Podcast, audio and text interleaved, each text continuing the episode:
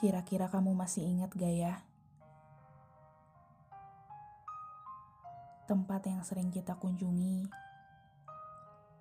buku favoritku, hari ulang tahunku, atau kamu sudah memilih untuk melupakan semua itu dan kenangannya pudar begitu saja.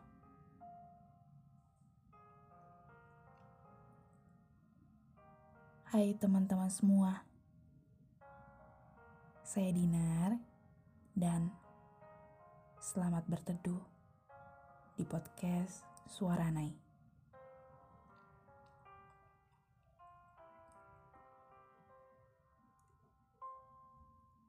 Kadang rindu itu lucu ya. Datangnya suka tiba-tiba, tanpa aba-aba dan kita nggak bisa mengabaikannya gitu aja.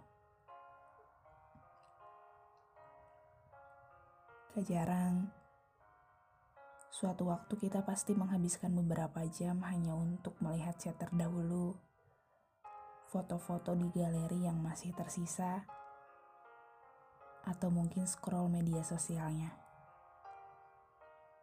Iya, apalagi jika bukan memastikan apakah dia baik-baik saja atau enggak.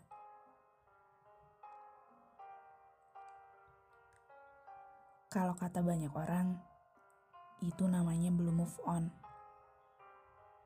Belum bisa lupa. Atau bahkan belum terbiasa tanpa dia. Gak apa-apa. Gak perlu terburu-buru melupakan bukan hal yang mudah. Jadi, perlu waktu untuk itu.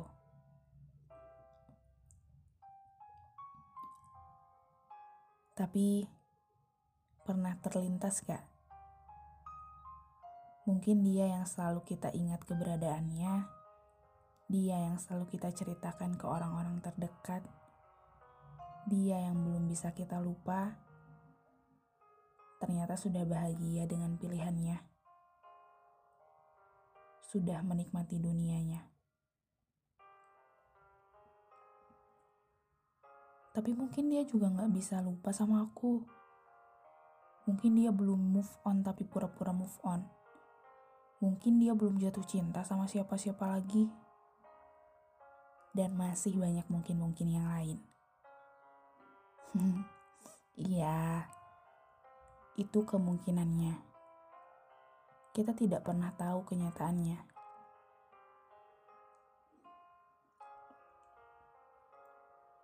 Gak apa-apa ya.